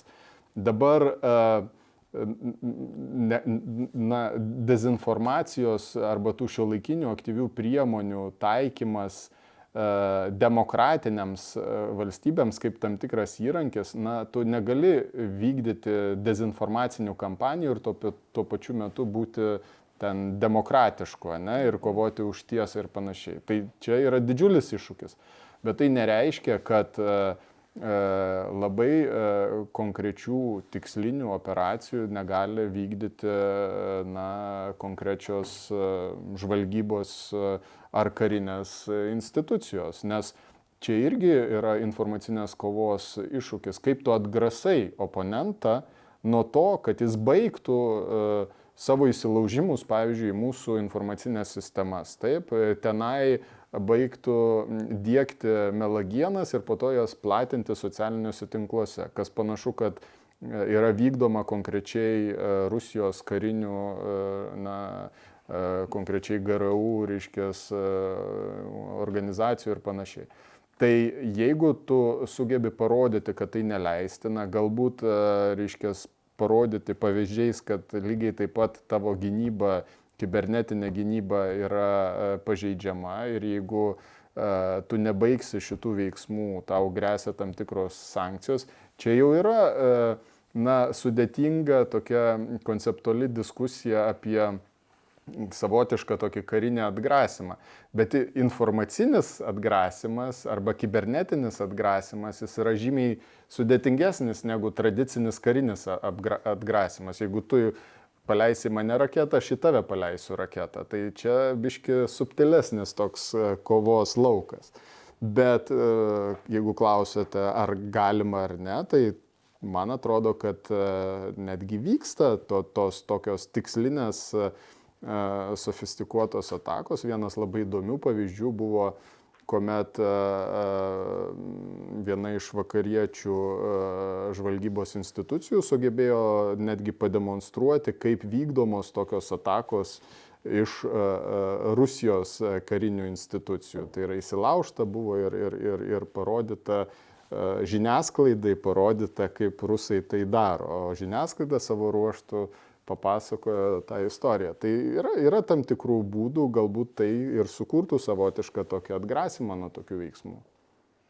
Jo, aš gal kalbėčiau vat, ne, ne iš savo pusės ne apie polimą, bet vat, ir, be abejo ir atgrasimas ir tų tokių pozityvių naratyvų kūrimas vat, iš mūsų visuomenės būtent pusės ir tikrai vyksta įvairiausių tų socialinių kampanijų, na kalbant apie irgi socialinius tinklus, kada vat, tie pozityvūs naratyvai, tarkim, apie mūsų istoriją, apie mūsų lyderius e, ir kalbant, na, faktų kalba, ne, neiškraipant ir, na, Būtent, kažko, nes, kažko, ne, kažko nesukuriant papildomo, o tiesiog, na, faktiškai tokias long-term e, kampanijas vykdant, e, vat, konkrečiai, tarkim, ten partizanų istoriją, tai tą mes nuolat turim akcentuoti, rodyti ir, ir tai vyksta. Ir, ir, ir užsienio reikalų ministerijos stratkomas va tą daro tokios ilgalaikės akcijos, kada, kada būtent va rodomi mūsų lyderiai, nuveikti darbai ir kova už, už laisvę ir nepriklausomybę, kas, kas ypatingai yra iš, iš priešiškos pusės bandoma tuo pasinaudoti. Tai vat, man atrodo, tikrai nereikia, na, negalim rankų nuleisti čia ta tokia niekada nesibaigianti kova bent jau dabar atrodo ir tas toks nematomas frontas, kada tiesiog turim nepavargti, kovoti ir, ir, ir vat, ieškoti įvairiausių subtilių tokių priemonių, galimybių ir netiesiogiai, vat, gal, na, pulti, bet tiesiog daugiau atšviesti ir stiprinti tą atsparumą visuomenę. Aš Tomui paantrindamas, tai tik tai, nu, ir mokykime iš istorijos, nes lygiai taip pat e, šalto karo metu buvo garsi Trumano vadinama tiesos kampanija užsienio politikoje, kad su komunistinė propaganda galima kovoti faktais, tiesa, savo patrauklumu, pasakojimu, bet tai netrukdė tai pačiai e, CIA veikti aktyviai tos e, nematomos kovos fronte. Tai tai irgi kūrė savotišką tokį atgrasimą nuo, e, nuo oponento veiksmų. Bet žinoma, pagrindinis demokratinių valstybių kovos įrankis yra na, tiesa, savo, savo pasakojimo patrauklumas ir, ir, ir savo vertybės, dėl kurių tu ir kovoji. Mes matome Ukrainoje, aš prisimenu Inform Napalm, kurie bando dekon, dekonstruoti visą dezinformaciją, visas melagienas, kurios, kurios skleidžia irgi Rusija. Ir, ir beje, tai yra privati iniciatyva iš tikrųjų. Ir vat sekantis klausimas, ar valstybė, ar, ar visgi visuomenė ir tas, na, nevyriausybinis sektorius, na, čia aišku, vėlgi mes, jūs turbūt atsakysite, tai čia buvo, visi bendrai turi dirbti, bet visgi, kuris, na, kuris galėtų pagal na, dabartinės tendencijas arba realijas prisimti lyderystę, arba turėtų, galėtų prisimti lyderystę būtent, na, ko, kovoje prieš priešišką dezinformaciją ir melagienas? Aš tai būsiu e, toks gal net per daug kritiškas Ukrainos e, pavyzdžiui. E, kodėl? Pasakysiu, kad ne, nevyriausybinio sektoriaus aktyvumas ir realioje kovoje, ir toje informacinėje kovoje yra daugiau iliustracija ne dabartinės, bet ankstesnės valdžios disfunkcijos. Tai yra, kuomet e, ir prasidėjus e, Krymo agresijai ir rytų Ukrainoje e, veiksmams kariniams, pati kariuomenė nebuvo pakankamai na, pajėgi be visuomenės tokio na, totalaus pas, prisijungimo prie to kovoti tos kovos. Ir uh, neturėtų būti toks disba, disbalansas, turėtų būti, čia kaip sakėte, atsakysim, kad taip, pusiausvėra ir balansas, bet Bet aišku, turi būti na, valstybės lygmenių sutvarky, sutvarkyta ir, ir veikti strateginės komunikacijos sistema, kuri aš noriu pabrėžti, jinai turi veikti bet kuriuo atveju, ne vien kovoti su Putino dezinformacija, jinai turi veikti efektyviai pandemijos kontekste. Jeigu uh, ten gamtinė nelaimė kažkokia dar atsitiks, jinai turi veikti efektyviai uh, ir, ir, ir, ir panašiai. Tai tai turi veikti. Tada mes jau turėsime tam tikrus įrankius ten ir, ir kovojant ten informacinius karus su kokia Rusija ir panašiai. Bet kai mes šnekam apie apskritai mūsų atsparumą ir mūsų tokią, na, e, aš nesu karinis ekspertas, bet tas terminas tokia to, totali gynyba, mes turim sugrįžti psichologiškai suvokimą, kad mes e, e, galim apsiginti tik tai na, tokios totalios gynybos dėka. Ir ta totali gynyba reiškia ne tik tai karinius pajėgumus, bet mūsų ir visuomenės pasijungimą ir e, informaciniai plotmėje ir panašiai. Tai taip, čia turi būti ir, e, reiškia, faktų tikrintojai, ir turi būti ir, ir, ir, ir kitos organizacijos, ir, ir Tomas atstovauja vieną iš jų, tai yra, kurios, na, efektyviai e, sugebėtų dekonstruoti, neutralizuoti tą, tą dezinformaciją. Jo, bet e, taip, balansas ir pusiausvėra. Bet lyderystė vis tiek, turbūt, na, valstybinis sektorius jis turi didesnius resursus mm, ly- lyderiauti šitam, Tomai, kaip tu manai? Be abejo, aš manau, kad e, esi nebejotinai teisus, kad na, valstybės pagrindų, na, tam tikra strategija daugelį, aišku, sričių, vat, na, turėtų toks kaip kelrodis būtų vis, visai visuomenė. Ir aišku, tas apsijungimas tiek valstybinių organizacijų, tiek e, NGO, tiek medija priemonių, tai čia be abejo vieni kitus turėtų papildyti. Iniciatyvų galime sukurti tikrai daug ir, ir ne vieną, ir jų tikrai daug yra. Tiesiog dažnai būna vieni vienaip žaidžia, kiti kitaip ir, ir, ir panašiai, bet na, tam kritiniam mąstymui lavinti medijų raštingumui tikrai reikia ilgalaikės strategijos, ką, ką vat, kitų šalių jau pavyzdžius minėjau ir, ir, ir man atrodo be abejo čia toks turėtų būti bendras, aišku, interesas, bet manau, kad taip turėtų valstybinių lygmenių būti, bent jau tam tikra kažkokia strategija, pajėgumai ir apvienimai va, tų tam tikrų organizacijų, kurios dirba va, ties tų faktų tikrinimu, debunkinimu, kiti daugiau kas edukacinė prasme dirba vat, su mokyklomis, su medija raštingumu, tų kompetencijų stiprinimu. Taip.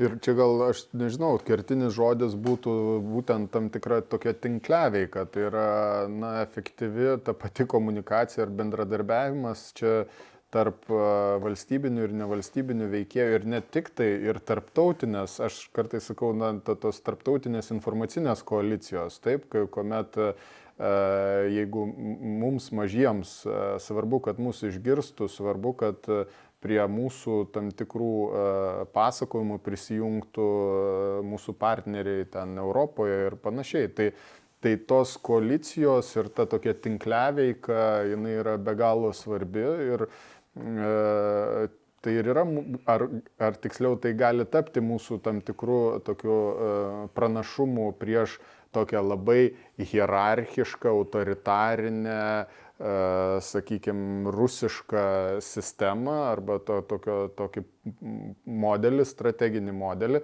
kuris e, irgi turi savotiškų e, pranašumų kovoje, taip, nes tada ten uždavus tam tikrą užduotį, visi imasi aktyviai ją įgyvendinti, veikia hierarchinės biurokratijos ir, ir, ir panašiai.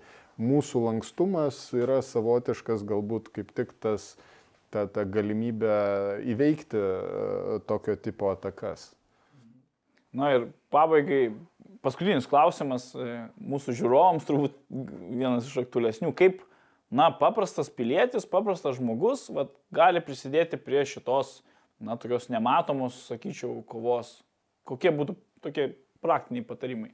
Ką daryti? Vat aš dabar noriu rytoj prisidėti. Pirmiausia, turbūt savo pavyzdžių, galvojant e, na, apie informacijos pasidalinimą, tai pirmiausia, tikrinti, tikrinti, tikrinti, kas, na, atrodo iš pradžių skamba tikrai ilg, daug laiko ir resursų reikalaujantis dalykas, bet, vad, ką ir minėjau pradžioje, tikrai yra būdų labai paprastų, ką, kaip patikrinti informaciją, tai ką mes galim nuo savęs pradėti, tai, vad, sėdint tiesiog namuose ant sofos, tai tiesiog neskaityti vien antraščių, tiesiog gilintis, gilintis į, į šaltinius, į aut, autorius, tiesiog, na, bendrai perėti, va, tą tokia, aišku, yra ir metodologijos tam tikros, bet, va, na, tie, tie pagrindiniai žingsniai, šaltiniai, autorius, e, patikimumas, tos medija priemonės, ką, ką tu gali padaryti, tai, na ir žinoma, jeigu yra informacija patikrinta,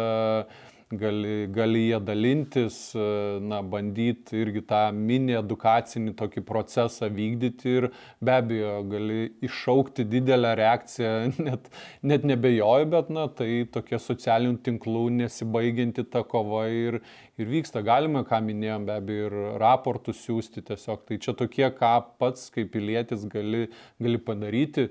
Yra valstybės nes institucijos ir ekspertai, kuriem tu gali siūsti tiesiogiai, man atrodo, vidiniais kanalais, tiek, tiek kariuomeniai, tam tikrus kažkokius pamatai, na, įtartinus signalus iš tam tikrų kanalų, kur, kur vyksta, gali tiesiog pasidalinti tą informaciją su ekspertais, specialistais.